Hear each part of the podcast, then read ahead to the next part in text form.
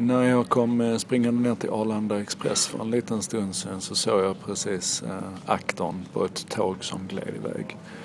Eh, och det märkliga var att jag hade telefonen i handen och den visade 12 och, eh, eller förlåt, eh, 13 och 49. Tåget skulle gå 13.50. Jag tog upp min andra iPhone och tittade i den och den stod faktiskt också på 13.49 så att känslan är väl att tåget faktiskt gick en, en minut för tidigt. Men det där är hopplöst att bevisa och det fick mig att tänka lite grann på det här med tid och hur vi kanske lägger lite för lite energi på att fundera på tid, vi vanliga dödliga. Det är ju en stor fråga när det gäller börshandeln till exempel där man faktiskt pratar om avståndet mellan maskinerna till och med för att med ökande avstånd så ökar tiden och då blir man tvåa på transaktionerna. Likadant är det med eh, snapback-funktioner och så vidare när domäner släpps fria och det gäller att vara först att hugga dem. Då är det också jävligt intressant med tid.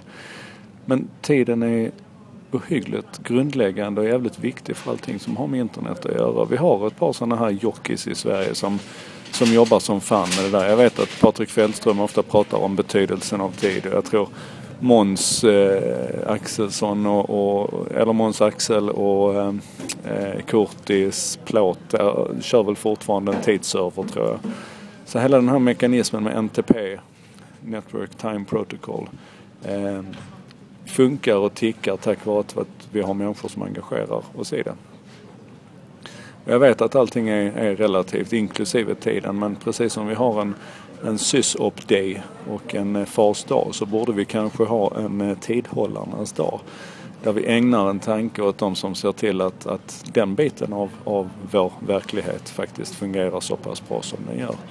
Och eh, då kanske man kan få be om att Arlanda Express inte går en minut för tidigt nästa år. Ehm, det är om tid.